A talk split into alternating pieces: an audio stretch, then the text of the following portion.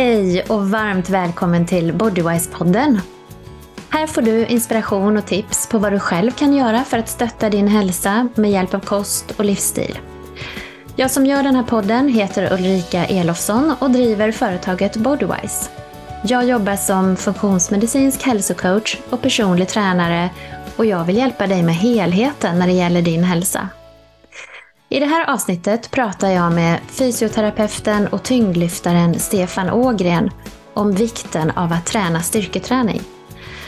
Hos många finns en rädsla att gå in i gymmet och träna styrka. Vi pratar skaderisk, teknik och du får lära dig varför du bör implementera styrketräning i din träning.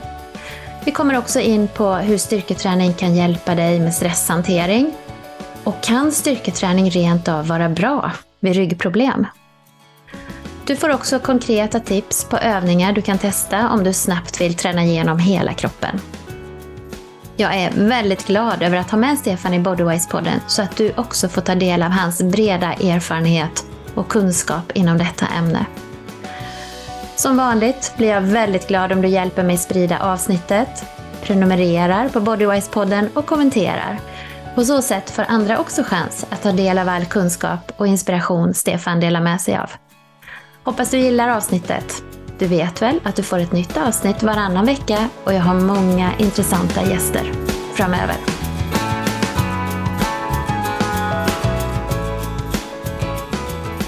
Hej och varmt välkommen till Bodywise-podden Stefan. Tack så mycket. Tusen tack för att du tar dig tid att vara med. Jag vet att du har ett otroligt späckat schema så jag är extra glad att ha med dig i podden. Ja, vad kul. Ja, tack själv. Tack själv. Idag så ska ju du och jag prata om något som vi båda brinner för, nämligen träning och eh, mer specifikt styrketräning. Mm. Du har en otroligt gedigen och bred träningsbakgrund. Du tävlar i tyngdlyftning där du ju har flera SM-guld. Du är nordisk mästare. Du har varit med i både EM och VM och siktar nu mot OS 2024. Dessutom har du varit SM-etta i strongman, Sveriges starkaste man. Du är även tränare till flera talanger som vunnit VM-medaljer och du har även, och även de har chans att kvala in till OS då. Dessutom så är du fysioterapeut med egen klinik, du är anlitad av flera externa uppdragsgivare, du har ett eget gym och du håller även kurser både för olika utbildningsföretag samt även egna utbildningar. Alltså, jag säger bara wow. ja, det, det, det, det, är härligt när man radar upp det sådär. Det låter ju bra. och jag har ju faktiskt haft förmånen att gå en av dina utbildningar. Skivstångsträning i rehab. En väldigt, mm. väldigt bra utbildning för övrigt som jag varmt kan rekommendera. Jag var supernöjd och jag vet att vi alla var det. Så um, innan vi kommer in på dagens ämne som ju är just tung träning och att våga träna och lyfta tungt så eh, tänkte jag att du ska få berätta lite mer om dig själv, hur du kom in på det här med tung träning och ja, så att vi får lära känna dig lite bättre helt enkelt. Ja, eh, ja precis. Det var en eh, fin sammanfattning där på eh, hur, hur meritlistorna lite grann så här. Och jag kan ju om man backar bandet lite ytterligare hur jag som sagt kom in på, på styrketräning så var det ju att eh, jag var ganska fascinerad av styrkan när jag var liten. Jag gillade liksom det här att man tittar på filmer och de som var starka och så, så det, det, har alltid funnits med mig. Och, eh, jag började med gymnastik när jag var barn eh, just på grund av att jag tyckte att där ser de ut att vara starka. Alltså, det var det som lockade mig. så. Men det är jag väldigt glad för, för att det gav mig en bra kroppsmedvetenhet, eh, kroppskännedom och att jag liksom lärde mig hantera kroppen så jag kunde stå på händer och sådana här saker. man lärde sig göra volter och så. Så det höll jag på med ganska länge, mellan att jag var ungefär 6 till 16-17. Sen bytte jag spår där och eh, jag hade en sväng där jag tävlade i, i bodybuilding först och främst. Jag körde mycket eh, kroppsbyggning. Då. Eh, men jag, jag saknade det. Man, det blir väldigt, eh, vad ska man säga, det är ju bara en estetik och så vidare. Jag gillade träningsformen och jag gillade den biten, men själva tävlingsformen var inte riktigt eh, eh, på, på, det sättet som jag var van vid eller vad det var jag var ute efter på så sätt. Så, så då började jag parallellt att tävla i styrkelyft. Eh, vilket jag har också vunnit SM-guld i faktiskt. Och, och så eh, så på den vägen kom jag in i styrkesporten kan man säga. Eh, och hade ju talang för det. Det gick ju bra för mig liksom, i både styrkelyft och sen sedermera så provade jag strongman. Och det var där jag träffade min tränare som heter Anders Bergström som, som nu tränar mig i tyngdlyftning. Eh, och han tyckte att jag, var var ganska bra eh, komplett fysik. Jag var både stark och sen hade jag hållit på med, med, tyngdly, eh, med, med eh, gymnastik i bakgrunden. Så han såg att jag hade lite smidighet och sådär. så att jag hade förmo förmodligen kunde prestera ganska bra i tyngdlyftning också. Så då började vi med det och på den vägen är det. Så, så då har jag kört tyngdlyftning nu i 11 år sedan dess. Eh, och eh, lyckats erövra ett antal titlar och, vara ute i världen och tävla och sådär. Och brinner för, som du sa också, att vara, vara tränare för andra och så, där, så att man liksom får en mm. återväxt bakåt i, i, liksom att eh, det kommer en ny generation som kan fylla på. Eh, så på den vägen, alltså jag har rört mig igenom de flesta styrkesporterna och eh, haft förmånen att kunna liksom prestera och haft bra folk runt omkring mig som har kunnat hjälpa mig i alla de här olika sporterna som har gjort att jag eh, har nått eh, framgångar och förstått eh, vad som har varit viktigt att satsa på och så man inte lägger för mycket dödtid på fel saker utan att man eh, försöker pinpointa hela tiden vad som är viktigast för att nå eh, bättre och bättre resultat. Så att säga. Mm. Där ju du också har väldigt fina framgångar med inte bara dig själv då, utan de du tränar också. Mm, precis, just nu så har vi ju eh, framförallt då Emil Norling som är, med, som är eh, världsmästare och eh, dubbel Europamästare i styrkelyft och, och, han, han siktar nu på VM i, eh, i Malta som, som går om fyra veckor. Eh, där vi hoppas på att kunna ta en dubbel världsmästartitel, alltså eh, försvara titeln. Och då skulle han, klarar han det så blir han den första svensk genom genom tiderna och klara det, att försvara världsmästartitel. Så det är kul. Och sen har jag ju även Ida Rund som jag var tränare för i styrkelyft som, som nu kör tyngdlyftning också. Eh, som, så det är väldigt kul för hon och jag åker ju nu på EM och VM tillsammans eh, i tyngdlyftning och så, här, så att då har, vi, har jag fått vara med och hjälpa henne också. Och så, här, så att vi har eh, och jag har flera stycken som både på veterannivå, på juniornivå och på seniornivå som, som på alla olika nivåer, från nybörjare till, till världsmästare så att säga, mm. som är med och hjälper med träning. Då.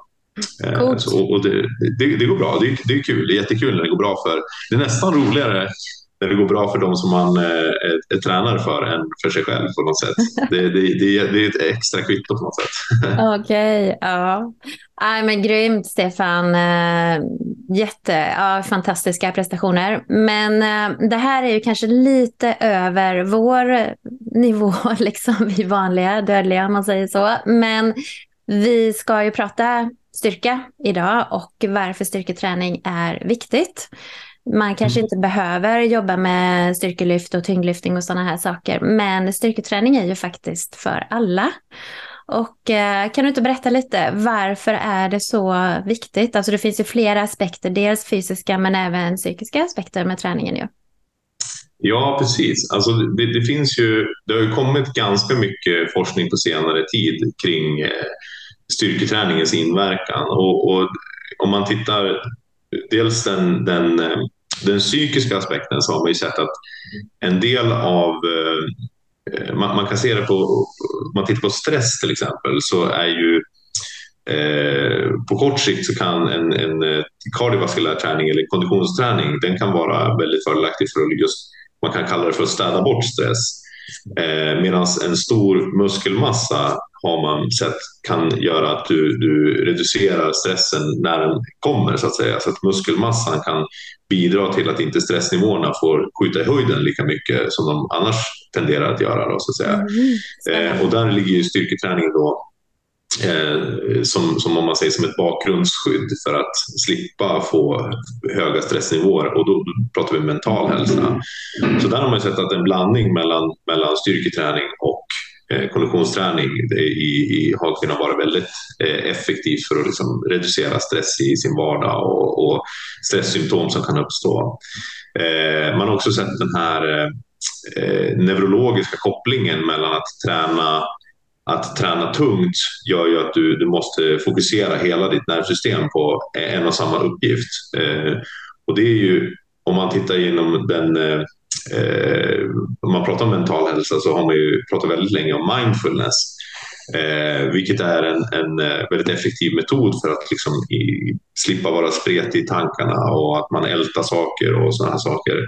Eh, genom att lyfta saker som är tunga så uppnår du faktiskt ett, ett eh, mentalt stadie av mindfulness eh, här och nu. Eh, så det blir lite som en genväg till mindfulness, vilket kan vara väldigt skönt och avslappnande för, för det mentala också. Mm. Så där har man den mentala biten som man kanske inte pratar om så mycket eller så ofta, eh, men, men som har en väldigt stor i, plats och inverkan i, i, i, på det sättet som vi tänker på också när, vi, när, jag, när jag delar ut träningsövningar till, till folk som jag träffar i mitt yrke. Mm. Eh, så har jag med det i, i tankarna så att säga.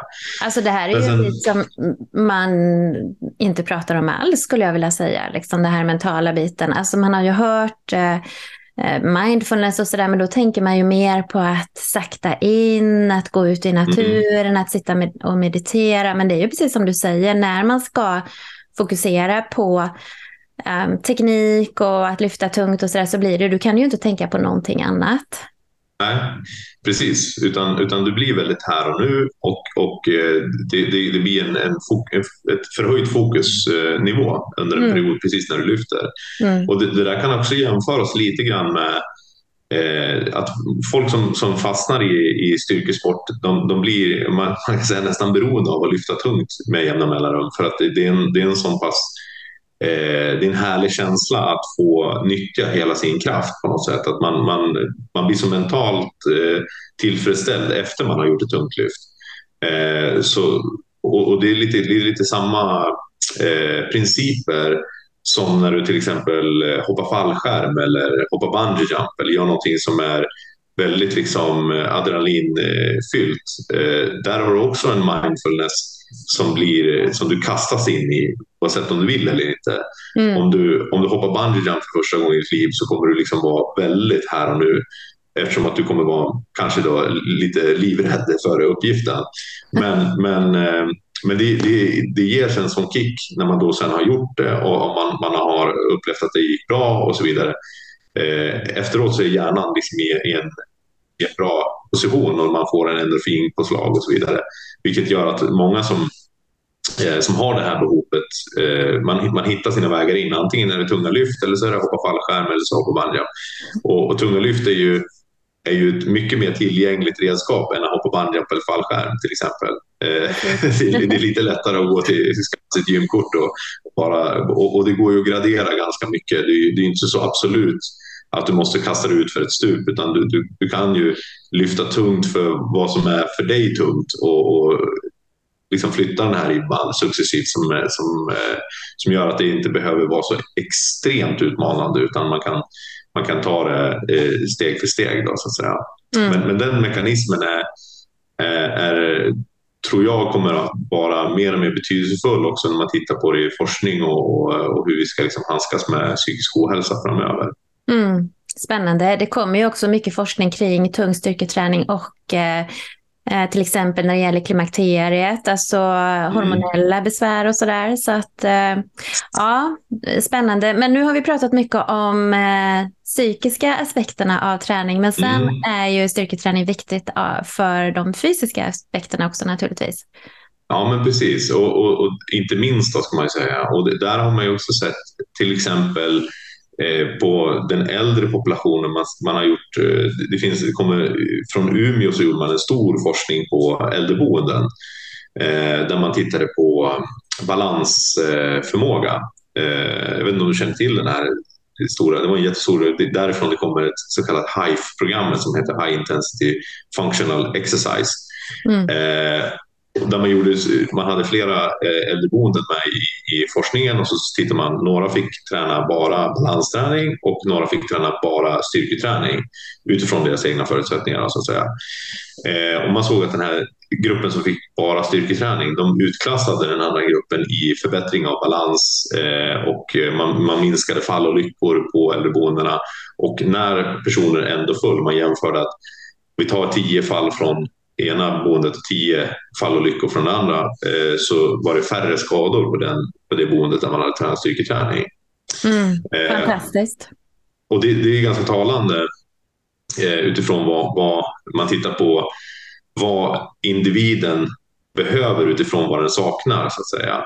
Eh, så det, det, säger oss någonting om att eh, styrketräning kan agera som en eh, skadeförebyggande eh, åtgärd. Eh, och, och det, det, tittar man mycket på idrotten också. Man har gjort det på eh, fotbollsspelare och tittar på om de har saknar benstyrka så ökar korsbandsskador till exempel och sådana här saker. Eh, så eh, för de allra, allra flesta så eh, krävs det en viss grundstyrka, en viss nivå av styrka för att man ska kunna ta sig vidare till en mer avancerad eh, rörelseförmåga och så vidare. Hoppar man över styrketräningen lite grann och går direkt på, då ökar skaderisken dramatiskt. Och då är det både skador som eh, traumatiska skador när man liksom vacklar till eller blir, man får en, en stukning eller så, men också överbelastningsskador. Då. Du menar eh, om man hoppar över styrketräningen och går direkt liksom på sin idrott då? Ja, precis. Det kan, vara, det kan vara löpträning till exempel. Man bara går ut och springer, man vill komma i form och så tänker man att ja, men jag, jag, jag, jag vill framförallt träna kondition och, och, och gå ner i vikt kanske. Och så har man inte kört så mycket styrketräning eh, och så har man en liten övervikt som man bär runt på och så börjar man springa. Då blir varje löpsteg relativt väldigt tungt om man inte är tillräckligt stark i benen och vristerna och knäna och sådär. Eh, vilket gör att du, du överbelastar dig i varje steg som du tar. Eh, mm. Och då är, är, risken för att du ska få ont i en sena, en hälsena, knä, knäsena eller någonting sånt där ökar ganska mycket. Men om du istället hade kört en, en inkörsperiod med kanske fyra veckors styrketräning och sen börjat löpträna så hade du, hade du haft en, förmodligen en bättre förutsättning för att kunna lyckas med löpträningen och sen vidmakthålla styrketräningen i bakgrunden lite grann för att det inte ska liksom, eh, för att man ska hålla en, en bra nivå på det sättet. Så att mm. styrketräningen är både för att du ska klara av uppgifter men också för att du ska minska risken för att få, få ont då, i det, det, den aktivitet som du vill göra, kanske som du har som målaktivitet. Mm. Och sen är ju styrketräning också viktigt i takt med att vi blir äldre. Du nämnde ju det här äldreboendet, men vi tappar ju muskelmassa för varje år. Det börjar redan efter 30 egentligen. Mm. Så att eh, jobba med att bevara och till och med kanske bygga lite muskelmassa då, det blir ju jätteviktigt. Mm. Ja, men precis. Det, det är precis det som är Eh, spaningen att man ser ju eh, de här olika typerna av muskelfibrer som man har. Man har explosiva muskelfibrer och, och halvexplosiva och sen uthålliga muskelfibrer. Och det är just de explosiva muskelfibrerna som man, man tenderar att tappa ju äldre man blir. Eh, uthållighet brukar vara eh, ganska lätt att hålla och, och, och, ganska lätt att bygga upp även när man har till exempel passerat 50 års ålder. Däremot styrka eh, behöver man göra lite mer aktivt för att det ska liksom inte försvinna. Så att säga. Och, och, och det går ju bra att bygga styrka även fast man har eh, passerat 30-35 år. Det, det, det, det, är inget eh, absolut att man, man eh, därifrån går det neråt utan det, det, går ju, det går ju att bygga ändå. Men, men eh, gör man ingenting åt det så att säga då, då blir det som du säger, då, då sakta blir man eh, tyvärr mindre explosiv och eh, successivt lite svagare oftast. Eh, med stigande ålder. Mm. Men du, eh, nu pratar vi om styrketräning, gymträning, du nämner det i relation till löpning och så vidare. Jag tror att det finns mycket myter kring styrketräning. Alltså löpare ska inte träna styrketräning för att, eh, ja, olika anledningar. Mm. Men du, du menar ju att styrketräning är för alla. Mm, absolut. Berätta Absolut. lite om det. Nu har du redan varit inne lite på det, hur viktigt det är liksom att bygga styrka innan vi går ut och springer och kör våra sporter och sådär. Men eh, varför är det så viktigt för alla då? Eh, jo, men det, det, det, är precis som du säger. Alltså, om, man, om man till exempel gör en för kortsiktig testperiod på, på sin styrketräning, att man, man håller på med löpträning och sen så provar man träna benträning, benstyrka eh, och sen går man ut och löptränar i nära anslutning, då kommer man ju uppleva att man har blivit segare och så vidare. Eh, men om man sträcker ut tiden lite grann och ser en, en period på kanske eh, sex till åtta månader när man ger sig själv en, en möjlighet att faktiskt öka styrkan eh, lite över tid. Eh, då, kommer man, då kommer de flesta uppleva att de får ett bättre klipp i steget, att man orkar med kroppen på ett annat sätt och, och så vidare. Ehm, och, och styrketräning behöver ju inte vara just gymträning utan man kan ju hitta styrketräningsformer för den eh, idrotten eller, eller den motionsformen som man håller på med som, som eh, man kan göra till exempel utomhus eller i par eller med gummiband eller vad. Det finns massor med olika former av det. Eh, så att jag, jag, tror att man behöver se eh, behovet utifrån vad man har för målsättningar så att säga. Men för de allra flesta som vill göra någonting i motionsform så, så en, en grundläggande styrkebas eh, det, det, det, kommer man behöva eh, på ett eller annat sätt för att klara av eh, de olika uppgifterna. Och vi har ju som, som den här kursen som du nämnde så pratar vi om eh, vi har tre delar i en triangel om man säger. Man tänker sig en pyramid och sen i basen där ligger styrka som är liksom Eh, grundstyrka. Mitten på triangeln så har vi explosivitet och i toppen där har vi något som kallas för plyometri. Eh, och plyometri det är ju oftast det som, som man, vill, man dras åt när man håller på med idrott. Om man, om man spelar paddel till exempel så är ju eh, den snabba riktningsförändringen när man springer efter en boll och slår till den och springer direkt tillbaka till sin position. Då har man gjort en plyometrisk rörelse. Eh, och den typen av rörelser där man riktningsförändringar eller hopp och studs, eh, den typen av belastningar, det är väldigt belastande för kroppens passiva strukturer som senor och ligament och brosk och sådär. Eh, och har man då lite för dålig grundstyrka för att ta hand om den belastningen, då ökar ju eh, skaderisken ganska rejält. Men genom att styrketräna lite eh, i, i grunden, då, då klarar man av den här typen av eh, eh, riktningsförändringar och belastningar som kommer mycket, mycket bättre. Och då, då blir det roligare att hålla på med paddel eller löpning eller något annat som, som har de här plyometriska momenten i sig. Därför att man, man blir inte sliten av det på samma sätt och man, man kan göra dem snabbare och bättre till, till och med. Mm. Så nu pratar du om den här triangeln då och längst ner ligger ju styrkan. Och, men många gånger, och det är ju basen, det är ju den stora delen av triangeln så att säga. Och högst mm. upp har man ju den här plyometrin då. Och det är ju mm. där som många börjar. Ja. Eh, och det är därför man kanske skadar sig då, för att man inte har gått in och tränat bas, alltså blivit stark i de här momenten som man sen ska utföra. För det gäller ju att först bli stark och stabil. Sen, mm. precis som du nämner, så kan man gå vidare och bli mer explosiv och sen så kan man då hoppa och studsa och riktningsförändringar och sådär. Det är ju det som är den lilla, minsta delen av pyramiden högst upp då, precis som du säger. Mm. Mm, precis. Och, och det, det, är det som är liksom, det, det, ofta är det ju den här roliga och effektgivande träningen som är i toppen där. Det är det som man är ute efter lite grann. Och, och, och det, vi, det, kan man också göra som räkneexempel om man räknar ut hur mycket effekt du får i en, i en rörelse om du räknar eh, lyft. Eh, om vi tar, tar ett marklyft till exempel så lyfter man inte det så långt. Det är ett ganska kort lyft. Eh, även om man har en tung vikt och så räknar man på eh, hur, hur, lång tid ett sånt lyft tar så blir det inte så mycket eh, energi eh, i watt räknat om man räknar ut ett marklyft. Eh, kontra till exempel bara ett spänsthopp om du hoppar upp på en låda eller om du står och studsar eh, framåt i, i, tre hopp framåt eller sådär. Så, så bara med kroppsvikten så kommer du ganska snabbt förbi eh, ett marklyft i energiuttag. Och då pratar vi, då, då, det, det, är direkt korrelerat med fettförbränning också. Så om man till exempel ska börja träna för att förbränna fett, så då är ju den direkta effekten du får av lite tyngre styrketräning, den är ganska begränsad. Du får inte så stor eh, fettförbrännande effekt på det. Eh, men det är en förutsättning för att du ska klara av att hantera den fettförbrännande träningen som, som du sen vill addera då för att få.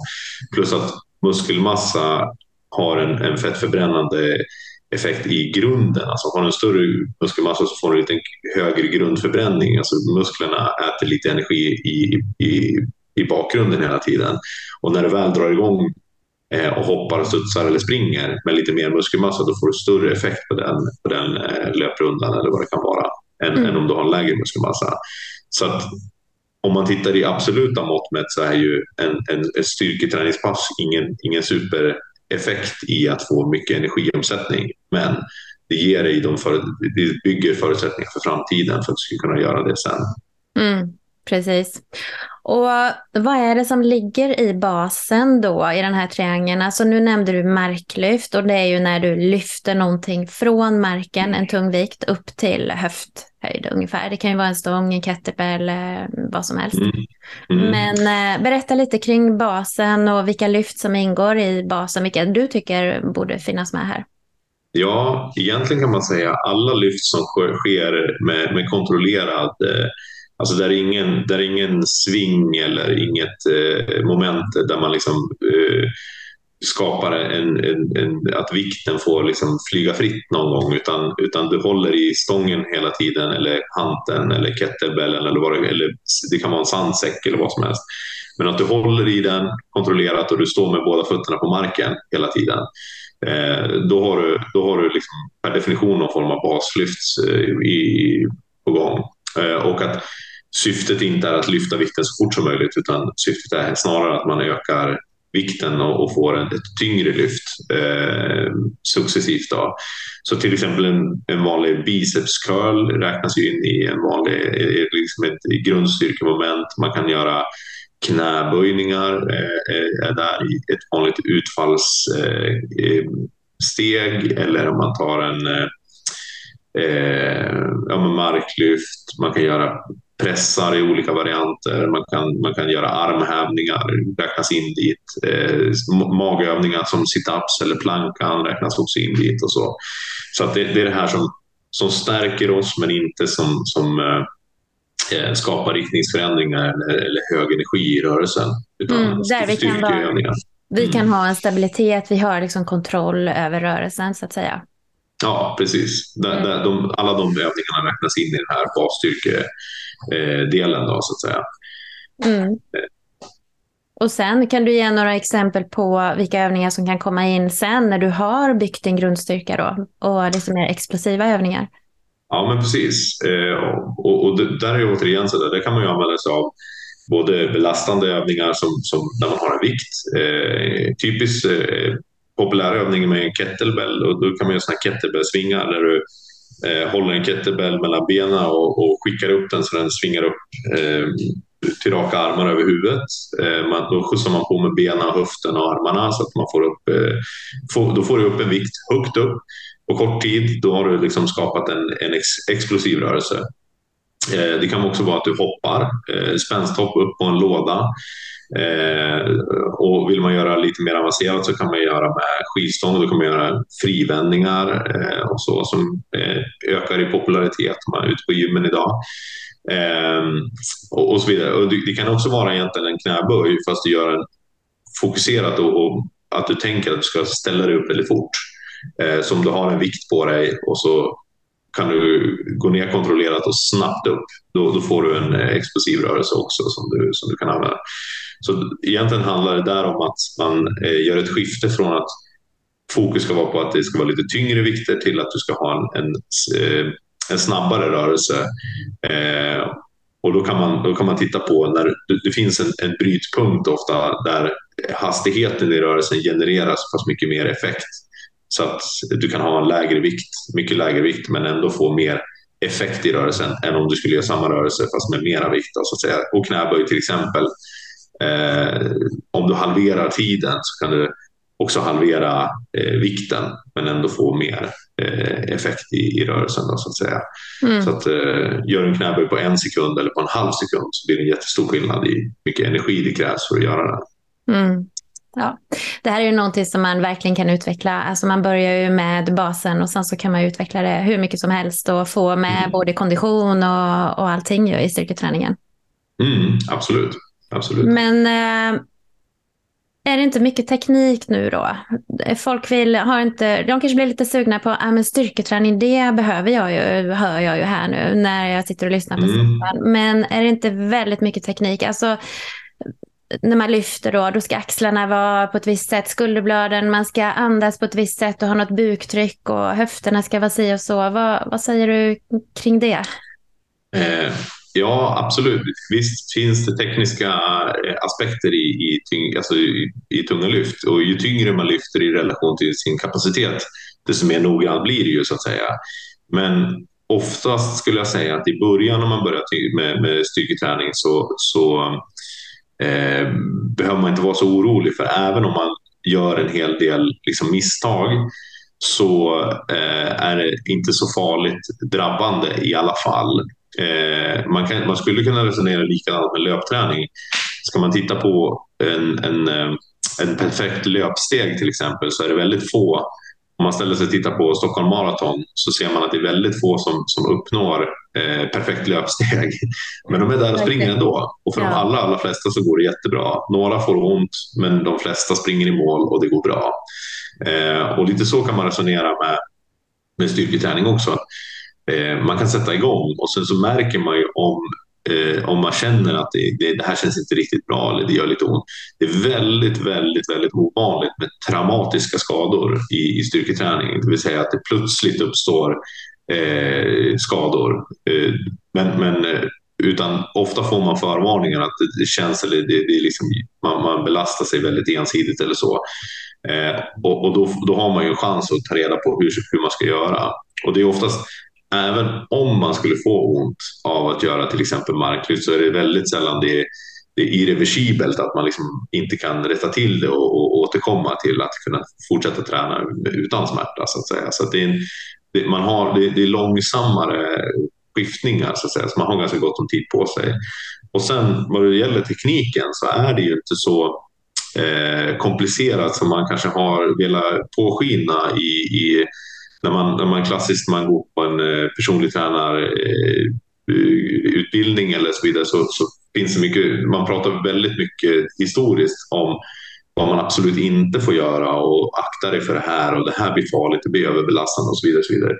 Eh, när, när i själva verket finns ganska stora variationsmöjligheter i hur man ska lyfta en, en vikt eh, och att alla personer har sin egna, liksom, sina egna styrkor, sina egna Eh, sin egen rörlighet, sina egna belastningsvinklar och så vidare som gör att det kommer se lite olika ut när folk lyfter. Men, men att man kan hålla sig till att lite olika grundprinciper så, så kan man ändå eh, lyfta, så två lyftar som ser olika ut kan ändå göra lyft på ungefär samma sätt kan man säga. Mm. Det går jättebra. Eh, och i, i grund och botten kan man säga att generellt så gäller det att försöka hitta liksom, din naturliga balans i lyftet eh, så att man har sina tyngdpunkter i linje så att man känner att det inte kränger eller att man måste spänna sig för att hålla sig på plats utan att man hittar en naturlig position eh, och därifrån lyfter man och så ökar man belastningen successivt. Då brukar det gå ganska bra. Mm. Ja, men det här man måste. Min... Vad sa du? Man, man försöker, att försöka krångla till det mindre, då brukar ja, det gå bättre. Och det måste jag säga, det är verkligen någonting jag har fått med mig från eh, er kurs då, på Stark Fysio, att eh, Krångla inte till det, slappna av, kroppen vet vad den ska göra. När du väl lyfter så kommer kroppen hjälpa dig att spänna på rätt muskler och mm. rätt muskler. Mm. Och det, det var väldigt befriande för mig måste jag säga. och eh, ja, det blir roligare att träna då när du inte behöver spänna dig och tänka liksom på alla möjliga vinklar och sådana här saker. Mm, eh, precis, och, och, och, tänker man på det så gör man ju de här Eh, alla människor som lever bara ett vanligt liv gör ju, belastar sig ju med yttre belastning då och då. Man, man lyfter någon eh, tung matkasse eller man, man flyttar en eh, jordsäck i trädgården eller man, man rullar en sten i trädgården. Så här. Eh, och då, då är man ju så fokuserad på uppgiften att nu ska jag lyfta den här jordsäcken från den här pallen till bilen eller vad det kan vara. Eh, och då lyfter de flesta ganska bra. De lyfter, de lyfter liksom, fokuser, liksom fokuserat på att förflytta objektet snarare än hur de själva ser ut och, och hur man är liksom i sin kropp och så vidare. Eh, och det, det, är ofta det som är liksom framgångsfaktorn, att man, man funderar på vilken rörelse ska jag nu göra för att lösa den här uppgiften snarare än hur ska jag se ut när jag gör rörelsen. Eh, och, och, och tittar man på många andra idrotter så, så blir det väldigt självklart att om, om man går till en, en coach som ska coacha dig när du spelar golf så pratar man mycket mer om effekten. Hur ska jag göra för att få effekt i klubban till exempel och slå till golfbollen? Inte hur ska jag se ut kanske nödvändigtvis utan det, hur jag ser ut blir ett resultat av vad jag gör. Medan när vi pratar om styrketräning så har det väldigt under väldigt lång tid blivit mycket, du ska se ut på ett visst sätt innan du påbörjar lyftet. Mm. Eh, och, och, det blir bakvänt om man istället tänker på vad är det för rörelse jag ska åstadkomma, hur ska jag röra mig? Eh, och då kommer jag se ut på ett visst sätt. Det, det, det är den ingången. Och sen kan det vara ganska olika från person till person. Så att man kan mm. acceptera ganska stora variationer mellan hur olika människor ser ut när de lyfter eh, och tränar styrketräning. Mm. Ja, det här tror jag kanske är lite nya infallsvinklar och tankar för många. Och just det du säger att skaderisken inte är så hög egentligen i gymmet. För många är ju rädda för att gå in på gymmet och göra marklyft, knäböj. De är ju rädda för att skada sig och tänker oj, oj, oj, det här, nej, här måste jag verkligen ha rätt teknik och så. Men du är ju lite mer sådär, nej men gå och testa, se hur det känns. Mm, absolut. Absolut, det är, och, det, det, är också en bakgrund från, från forskning. Man har sett på eh, både, både på bara på ungdomsnivå så har man tittat på tyngdlyftning jämfört med fotboll och där är ju skaderisken 1500 gånger högre och då har man tittat på internationellt i fotboll. Ja. Mm. Eh, och, och, det är inte så konstigt för där springer man ju rakt in i folk och eh, andra som sparkar en på benen när man jagar en boll och man, är, man springer allt vad man har och tittar på något annat ställe. Man springer in, ramlar och har sig. Och det gör man ju inte så ofta inne på ett gym.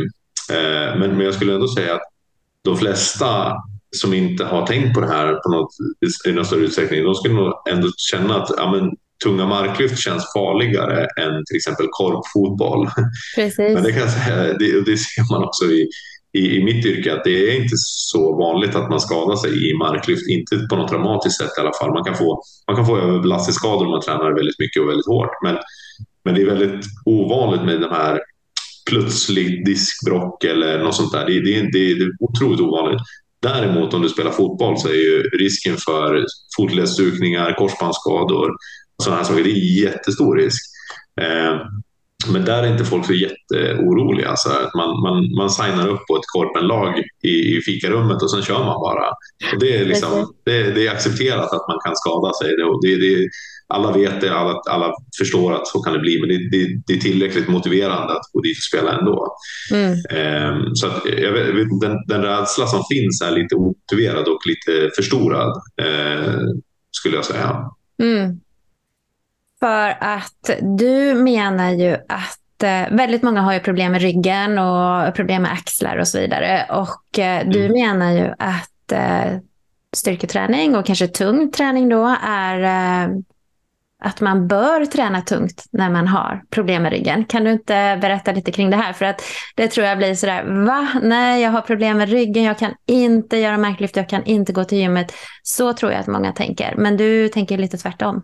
Ja, ja precis. Och det, där har vi också väldigt mycket stöd i forskningen. Man gjorde sen ganska också uppe i, i Umeå så har man gjort en jämförelsestudie när man bara tränar marklyft eh, kontra eh, en, hel, alltså en, en uppsjö med övningar som till exempel pilatesövningar, bålövningar och så vidare för, för personer som hade ländryggsmärta.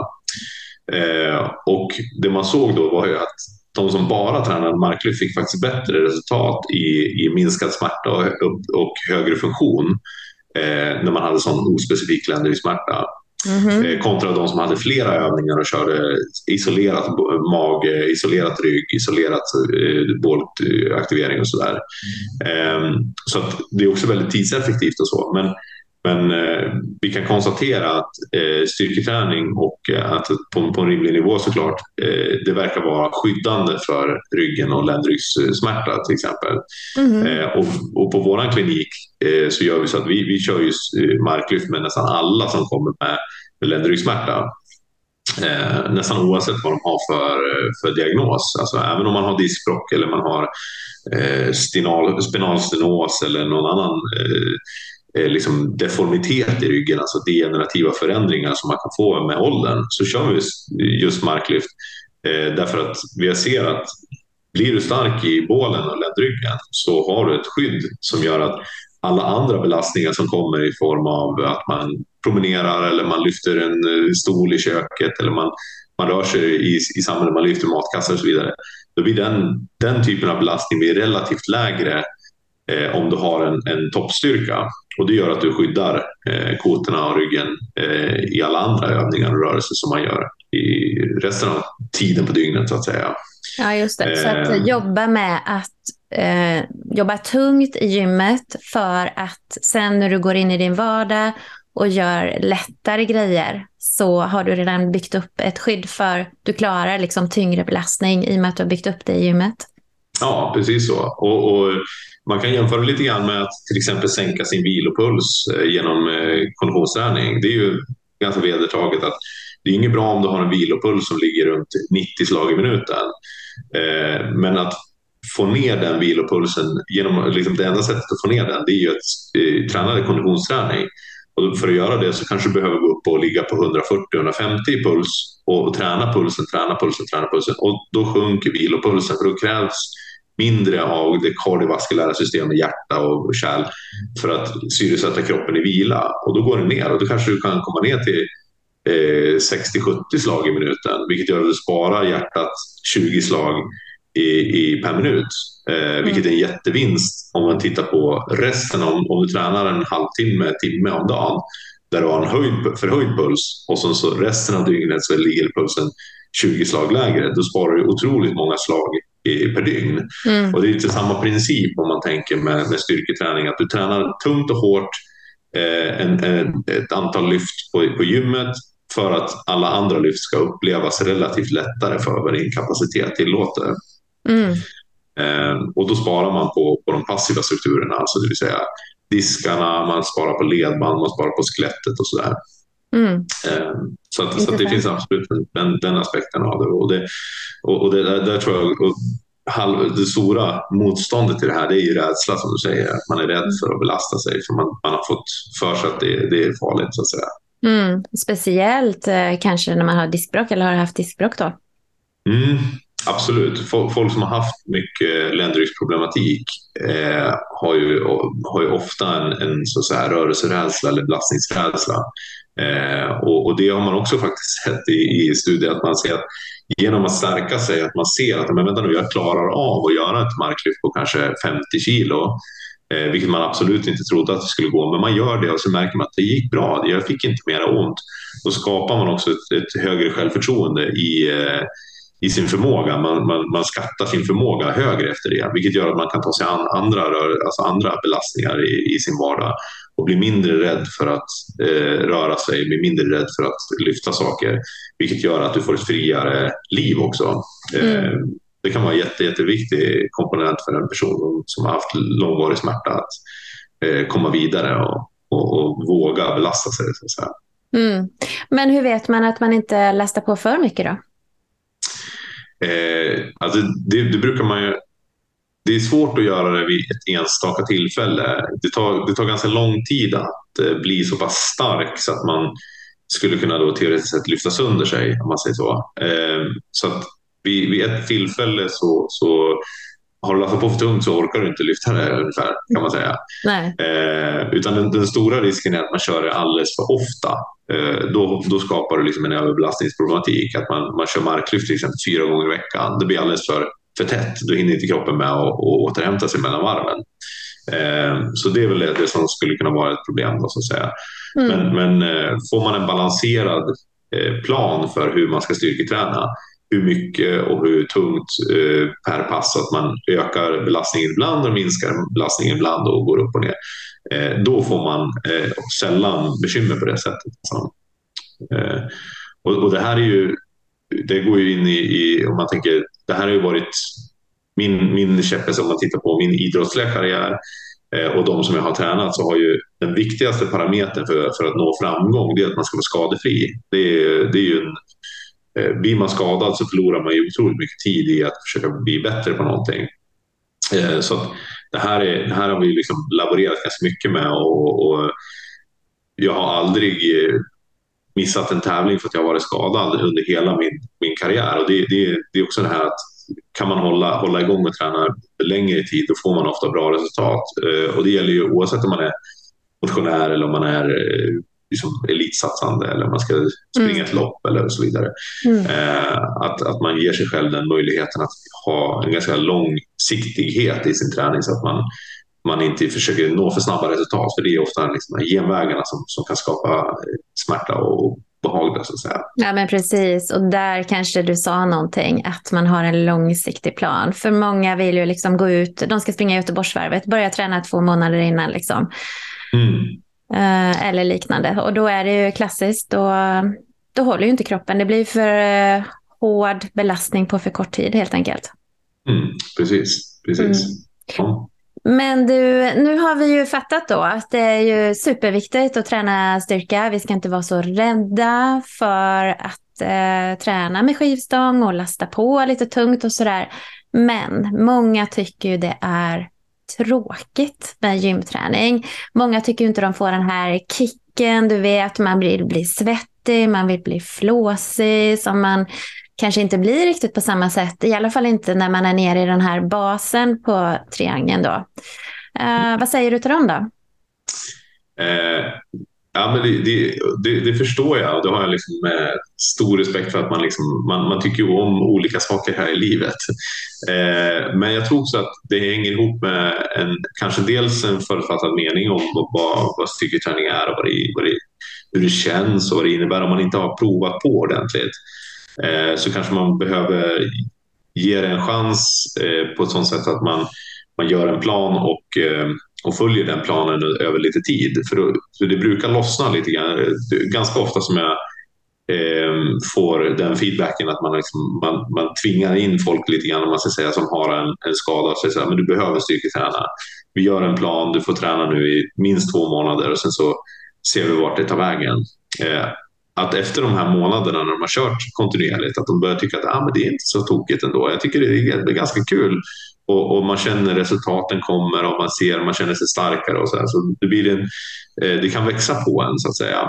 Mm. Eh, och, och, och, det är väl ofta så med saker och ting som man inte har eh, en, en, förståelse för, man aldrig har provat en, en idrott eller, eller provat en, en aktivitet så kan man vid första anblick tycka att ah, men det där är ingenting för mig. Men sen provar man på så inser man att ja, men det kanske inte är så tokigt. Och tillgängligheten är ju framförallt en, en, eh, en faktor som gör att, eh, att det också är ganska populärt att träna styrketräning. Att det, det finns, jobbar man hyfsat eh, centralt eller så, så finns det garanterat ett gym väldigt nära där du, där du jobbar eller där du bor. Och eh, då, då, är, då är liksom, eh, tillgängligheten också en faktor att du kan, du kan gå in och träna ett ganska snabbt pass Eh, och få, få bra effekt. Alltså det, det, det, är också en sån här tanke som många har att om jag ska gå till gymmet så behöver jag vara där en timme minst för att jag ska få effekt och så här.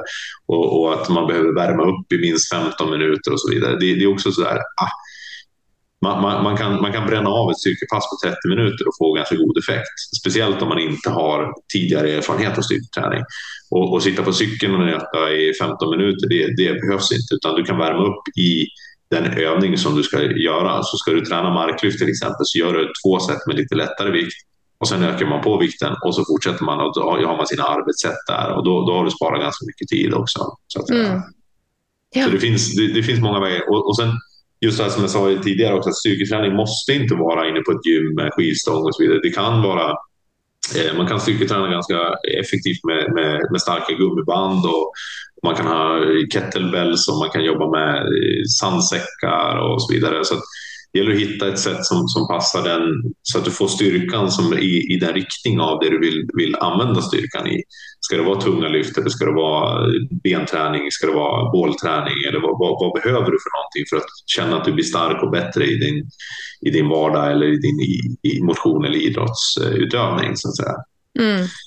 Eh, Precis. Och där kan man behöva hjälp av till exempel personlig tränare eller fysio eller någonting som, som kan guida dig så att, du, så att du lägger tiden på det som ger effekt. Då blir det oftast kul faktiskt. Mm. Precis. Och nu har vi pratat om eh, i huvudsak här har ju du pratat om fria vikter då. Men mm. eh, människor som vill börja styrketräna, de kanske känner sig lite tryggare med maskinerna. Um, vad tycker du är liksom för och nackdelar? För du nämnde innan den här studien när man hade tittat på pilatesövningar, bålövningar, mm. ditten och datten kontra att bara göra marklyft. Och då sa du att i marklyft får man med bålen, du får med ben, du får med rygg, rumpa, i stort sett hela kroppen. Alltså, mm. hur är det med det här med maskiner kontra fria vikter egentligen? Eh, jo, att, att, fria vikter har en, en absolut fördel i, i, att du får med dig eh, fler, fler komponenter när du tränar. Du får med dig balans, du får med dig liksom det här att kroppen behöver parera för belastning som är fri. Eh, och det, det, det, har man ju, det ser man ju att det är mer effektivt utifrån en, att du får en, eh, en bättre crossover-effekt kan man säga. Att du kan använda dig av den styrkan du får till eh, en annan atletisk övning. Då, så att säga. Eh, men maskiner, det, det är oftast eh, inget negativt med att köra om man till exempel vill öka sin benstyrka och så kör man eh, de benmaskiner som finns på gym, att man kör benspark och lårcurl och benpress till exempel, så kommer du bli starkare i benen så att säga. Och den, den koordinationen som du behöver för din andra, om du, om du springer eller spelar paddel eller något annat, då, då, eh, då, utö, då, då liksom, du får ihop det paketet sen när du gör det andra eh, i alla fall. Så du kan dra ganska stor nytta av styrketräning i maskiner. Så är det det man har som, som en... Eh, eh, man tänker att det är det enda jag kan tänka mig att göra så, så är det bättre än ingenting, absolut. Mm. Men står man i valet mellan att köra maskiner eller fria vikter då finns det en absolut fördel att lära sig fria vikter för att du får med dig eh, det blir ytterligare fler komponenter som du, som du kan dra nytta av när du tränar med fria vikter. Just det. Men kanske om man är nybörjare och inte är van vid gymträning att det känns lite svårare. Man vet inte ja. vad man ska göra eller så. Men eh, Precis. då kan man ju ta hjälp som du sa av någon som kan guida en. Ja, och oftast på, på ens lokala gym så finns det oftast en, en sån tjänst att när man tecknar ett eh, gymkort att man får två, två tillfällen med en personal som hjälper dig att lägga upp ett program med, med att eh, och visa hur inställningarna fungerar på maskiner och sådär. Um, och, och, jag vet till, till, exempel det finns några gymkedjor som har investerat ganska mycket pengar i, i uh, här digitala maskiner som, som lägger på ett uh, elmotormotstånd som, som känner av. Uh, då har man bara en blipp och sen så får man göra ett styrketest i den här maskinen och sen så lägger den upp ett träningsprogram på sju veckor och då, då är det olika belastning varje gång du kommer. Du behöver inte ens tänka utan du bara går in och, och sen så trycker man emot så mycket man kan i maskinen och så ger den ett, ett motstånd från gång till gång. Eh, och det vet jag jättemånga som är jättenöjda med och tycker att mm. det är perfekt för då behöver de inte fundera, de behöver inte komma ihåg vart de satte sprinten i maskinen och så vidare. Och, och så, och så man bara följa, det är som en skärm som visar hur, vilken hastighet du ska lyfta i. Så följer man den och så, och så kör man igenom de maskinerna som, som man har i sitt program. Och sen så är det klart, så behöver man inte hålla koll. Eh, så så det, det kan mycket väl vara så att den typen av maskiner blir mer och mer populära i framtiden. Och ma maskinerna idag som, som produceras nya idag, de är också de, de är designade för att vara mer likt eh, fria vikter också. De är mm mer friledade och så vidare. Så att, mm. eh, det finns väldigt mycket bra maskiner idag också. Så man, så man, man behöver inte känna att det är bortkastat om man går och tränar på maskiner. Och det går ju jättebra att gå och blanda. Man kan ju köra marklyft och sen eh, fyra maskiner och sen så eh, har man liksom eh, ett komplett pass för bål och underkropp till exempel. Och då mm, är man klar där. Liksom. Ja. Men du, om man nu känner att man vill ändå komma igång med fria vikter och skivstångsträning, alltså, kan du ge några tips på övningar för den som vill eh, komma igång med det? Vad tycker du är, liksom, om man vill träna, ja, säg 45 minuter? Mm. Eh, då, då, skulle jag göra, eh, om, om, om man har till exempel ett, eh, man vill få med större delen av kroppen i samma pass, eh, då skulle jag köra både knäböj, marklyft, rodd och militärpress till exempel. Då, mm. hinner du med 45 minuter. Och, och, och, då får du med dig i stort sett eh, hela kroppen eh, och, och framförallt de, de delar av kroppen som gör att du känner att du har, att du har stuns i kroppen, att man får bra hållning, upprätthåll, eh, upprätthåller liksom sin posturala kontroll som det kallas man, man kan känna sig få lite benstyrka som gör att när man går i trappor så känner man sig stark och, och kraftfull. Och man, man eh, får med armarna när man kör militärpress, man pressar arm, armarna över huvudet. Eh, vilket gör att du, du kan få en bra eh, styrka så att du kan få bra kontroll med, med rörelser som är ovanför axelhöjd, vilket är någonting som ofta eh, stryker på foten om man inte styrketränar, då, då är det väldigt sällan man är i över axelhöjd och jobbar med armarna, vilket gör att när man väl måste göra det, då, till exempel om man ska byta lampor i, hemma eller man ska göra någonting sånt, så, eh, så blir det väldigt ansträngande för axlarna. Så att säga. Mm. Så att, eh, jag, skulle, jag, jag, skulle lägga upp så man kör knäböj, man kör marklyft Eh, och så kör man rodd, roddrag med, med skivstång och eh, sen pressar uppåt, eh, militärpressar uppåt. Och så kan man komplettera med lite mag, magövning som sista, som sit-ups eller, eller någonting annat. Då har du en ganska komplett träningsform. Mm, toppen. Och här kan du i princip stå på samma plats, använda samma skivstång, bara lasta på lite olika vikter.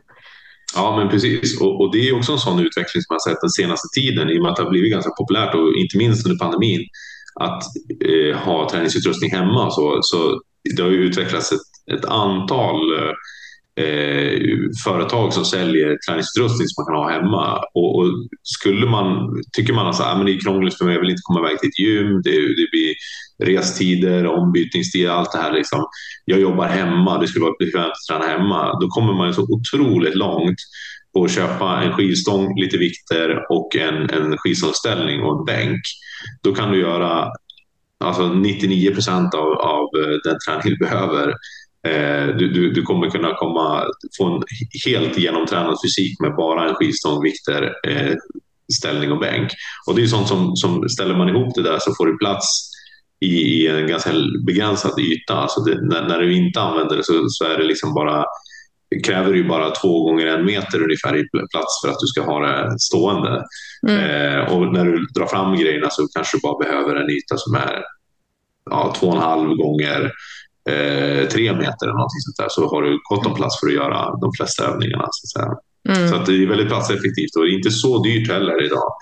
Eh, en, en så, ett sånt kit skulle gå på kanske två eller tre årskort på ett vanligt gym eh, mm. idag. Och, mm. och, och, tränar man kontinuerligt och kör fem år, då har du ju, då har du ju fått valuta för pengarna.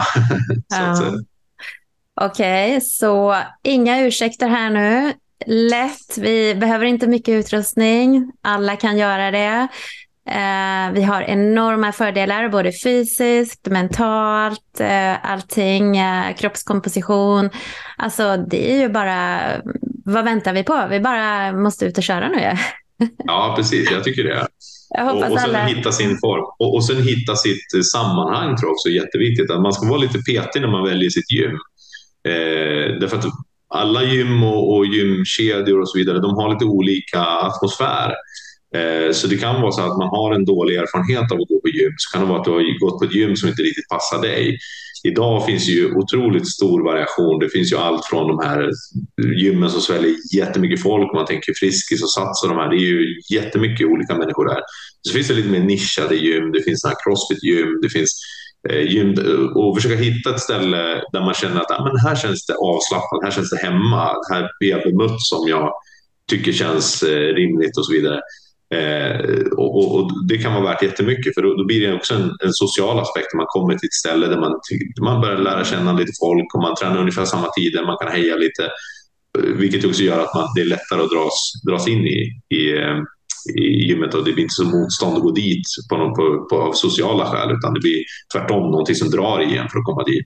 Mm. Eh, så, så det tror jag också man ska vara lite ha med i beräkningarna när man tittar på, på gym i sin, sin närhet och vad, vad som skulle passa för, ens, för hur man fungerar som människa också. Det är Jättebra. väldigt viktigt. Nej, men det var bra att du sa det, för att många kanske har gått in på gymmet någon gång och så tycker de att nej, det är bara ett gäng som står och hänger där vid bänkpressen och här känner jag mig inte hemma. Liksom. Men det finns faktiskt, eh, precis som du säger, olika communities eller olika gym som kan passa olika människor olika bra.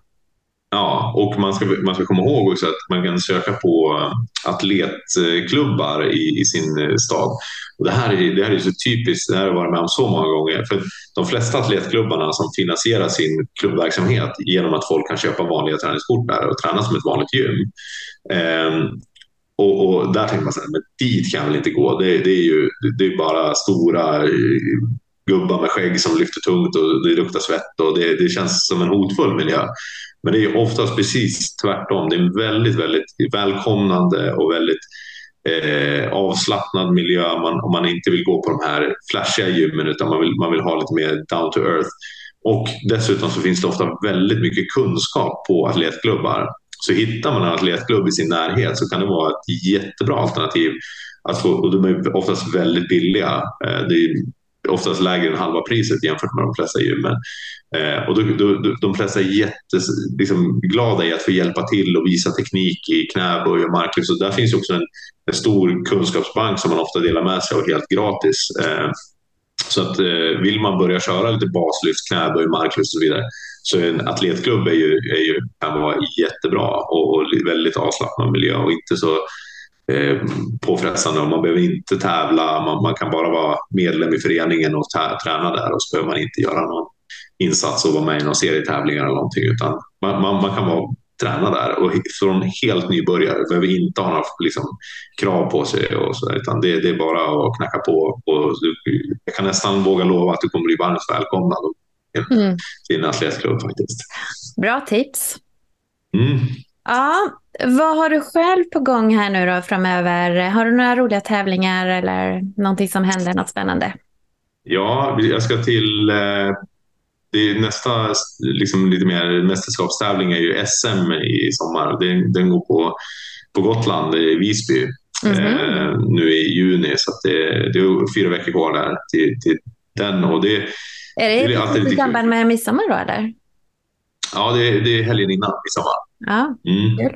Eh, så att, eh, det ser jag fram emot. För SM, SM för mig nu, det blir lite, det, det är lite sån eh, det är lite mysstämning. Jag, jag, jag, jag tycker jag har vunnit mina SM-guld. Jag, eh, jag har nått upp till, det, det, finns en utmärkelse man kan få från Riksidrottsförbundet som heter stor grabb eller stor tjej. Eh, när man har vunnit eh, tillräckligt mycket SM-guld eller nordiska guld så får man en, en utmärkelse att man är eh, ja, men stora grabbars förening, stora tjejers förening idag. Som. Eh, och det, dit har nått.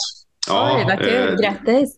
Ja, precis. Och det, det, så det känns att då, då behöver jag inte vinna fler, fler SM-guld. Jag, jag siktar på att jag ska åka dit och ha, ha kul. Men sen såklart eh, på tävling så kommer jag försöka vinna SM-guld. Och jag tror jag har, jag har fortfarande väldigt goda chanser att göra det. så att, eh, så det, det ser jag fram emot jätte, jättemycket. Så får vi se om, eh, om jag ska åka på VM i, i höst. Det är inte bestämt än. Eh, jag kommer få en, en, en liten bebis i juli så då måste jag mm.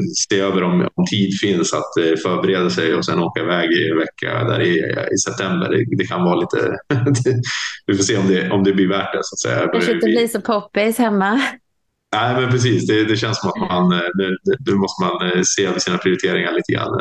precis. Ja. Nej, men vad spännande. Vi får följa dig helt enkelt. Mm. Eh, men var kan folk hitta dig då? Om man eh, vill veta mer om dig, vill följa dig, vill kanske ta del av dina kurser och så vidare? Ja, precis. Man, man kan ju dels följa mig på Instagram. Jag heter stefan.agren eh, där. Och sen så eh, har vi ju vårt företag som heter starkfysio.se. Eh, där kan man gå in på hemsidan och titta om, om och vi kommer lägga ut vi kommer ha den här kursen igen i höst eh, och eh, då kommer det komma upp information där på en, eh, under fliken kurser om man skulle vilja fördjupa sina kunskaper i skivstångsteknik för rehab. Sen, sen florerar jag omkring. Jag brukar lägga ut lite då och då på Instagram om jag ska åka iväg och hålla en workshop eller liknande. Så det gör jag lite här och där i, i Sverige. och då kan man då kan man vara med på det. Annars så går det också om man har till exempel en träningsanläggning och man skulle vilja boka in för en eh, föreläsning i styrke, styrketräning eller skadeförebyggande träning eller, eller workshop i, i styrkelyft eller tyngdlyftning till exempel så, så, så kan man skicka, många som skickar antingen mail eller på Instagram som ett direktmeddelande så, så går det ofta att hitta lite lösningar på det. Så det, det, det är alltid kul att komma iväg och, och föreläsa och, och visa upp lite grann hur man, man kan eh, tänka med styrketräning. Ja. Mm. Ja, fantastiskt. Tusen tack Stefan för att du ville ställa upp och dela med dig av all din kunskap och erfarenhet kring det här med eh, tunga lyft och styrketräning. Då. Och jag hoppas verkligen att många blir inspirerade och vågar testa att träna med skivstång nu då. Vågar kanske börja med gymträning. Mm. Ja, det hoppas jag också.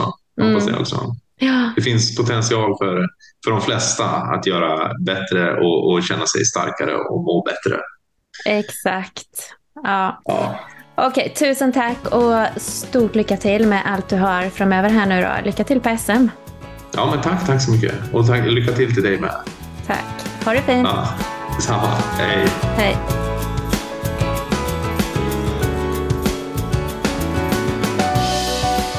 Du har lyssnat på Bodywise-podden med mig, Ulrika Elofsson. Dagens gäst var fysioterapeuten och tyngdlyftaren Stefan Ågren. I det här avsnittet pratade vi om vikten av att träna styrketräning och att tung träning är för alla. Vill du komma igång med styrketräning men vet inte var du ska börja? Eller vill du ta nästa steg i din träning? Jag hjälper dig med personligt anpassade träningsupplägg baserat på dina mål, var i livet du befinner dig och vad just din kropp behöver. Varmt välkommen att kontakta mig via min hemsida bodywise.se. Tusen tack för att du har lyssnat. Hoppas du uppskattade avsnittet. Vill du höra fler intervjuer som denna, kom ihåg att prenumerera på Bodywise-podden i Spotify eller Podcaster eller via min hemsida bodywise.se.